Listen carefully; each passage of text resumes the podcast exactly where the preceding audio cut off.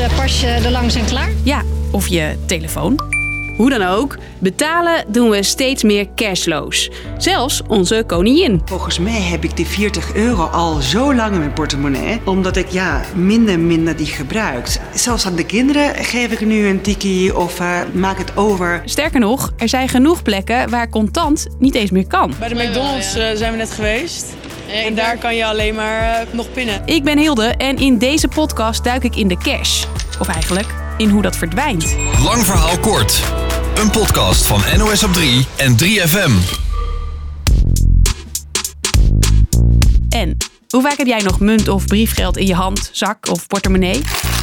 Niet vaak waarschijnlijk, want wanneer heb je het nou per se nodig? Krantje halen bij een straatnieuwsverkoper zonder cash? Ik heb een QR-code. Is geen probleem, man. Of ga naar een willekeurige marktkraam en vraag daar of mensen nog met cash willen afrekenen. Echt, vooral in de grotere steden merken we echt... Uh, misschien, dat zal misschien nog 10% zijn of zo. We pinnen met z'n allen wat af. Pin, pin, pin, pin. Betaalden we 10 jaar geleden nog in 60% van de gevallen met contant geld. Nu nog maar 20%. En door corona deden we dat allemaal nog een tandje meer. Een pasje met je pin heb je niet nodig.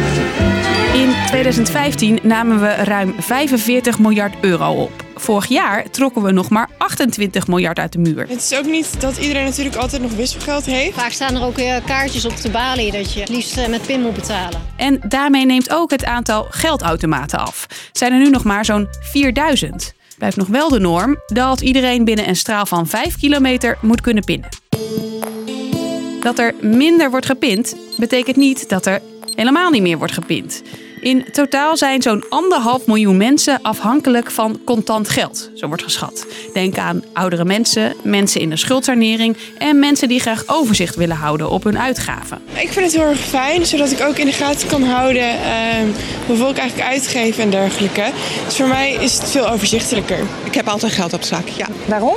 Omdat als ik ergens sta en de, mijn pasje zou niet meer uh, werken, dan kan ik gewoon blijven en dan betalen. En dat vind ik ideaal.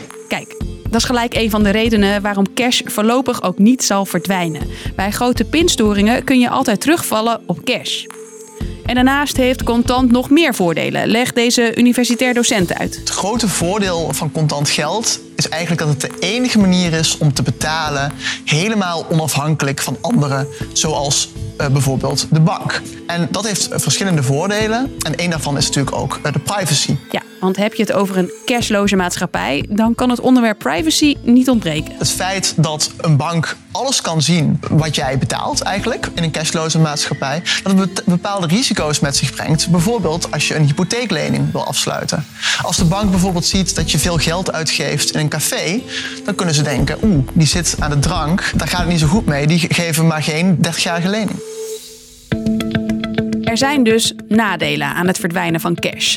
Tegelijkertijd zijn banken niet per se de grootste voorstander van contant geld. Cash is een stuk duurder dan digitaal, legt econoom Matthijs Bouwman uit. Op dit moment kost het zo'n 1,2 miljard euro per jaar. Dat hele systeem van waardebusjes die rondrijden en pinautomaten. Ze moeten het geld opslaan, bewaken en ze lopen het risico dat ze bestolen worden zodra ze de automaten bijvullen. Dezelfde hoge kosten die voor minder transacties betaald moeten worden. Banken verrekenen die kosten door aan hun klanten. Bij sommige banken is geldstorten niet altijd meer gratis en gaat pinnen boven een bepaald bedrag per jaar geld kosten. ABN AMRO gaat per 1 juli kosten rekenen voor het opnemen van grote bedragen contant geld. Ook steeds meer ondernemers kiezen ervoor om pin-only te zijn. Het is een stuk veiliger, scheelt tijd. Niemand hoeft de kassa te tellen aan het einde van zijn werkdag. En ook geld. Als de kosten toenemen, dan uh, ga je als ondernemer dat overwegen. Maar je wil dat natuurlijk niet. Waarom zou je iemand die met een wettig betaalmiddel bij jou wil betalen, de deur weigeren? Die laatste man die je hoorde is van de vereniging die opkomt voor MKB'ers. Zij vinden het dus niet oké dat het voor ondernemers steeds duurder wordt om cash te accepteren. En ook de Nederlandse Bank roept banken op om klanten niet te laten opdraaien voor de hoge kosten van contant geld. Zij willen nieuwe afspraken maken omdat contant geld breed inzetbaar moet blijven. Dus, lang verhaal kort, we pinnen met z'n allen steeds vaker. Contant geld verdwijnt steeds meer uit onze levens en uit het straatbeeld. Tegelijkertijd moet je wel met cash kunnen blijven betalen, zegt ook de Nederlandse Bank. Helemaal verdwijnen zullen de muntjes en de biljetten dus voorlopig nog niet. Dit was weer gratis en voor niets. Een cashloze aflevering van Lang Verhaal Kort voor je. Tot de volgende. 3FM Podcast. Drie mannen met zwarte pak legden hem op de grond neer. En ik hoorde, hij is het niet, hij is het niet. Ik wist gelijk, jij bent een shark. Sorry voor mijn broertje. Twee levensverhalen over broederschap en de consequenties van de keuzes die je maakt. Mijn zus, ik hoorde haar nog roepen van, uh, wat, heb je gedaan? Wat maakt de ene broer tot een toonbeeld en de ander tot een schrikbeeld van een generatie? In de podcast Sorry voor mijn broertje zoeken we antwoord op die vraag aan de hand van de levensverhalen van Nabil en Naïb. De podcast Sorry voor mijn broertje. Check je via de 3FM-app of jouw favoriete podcastplatform.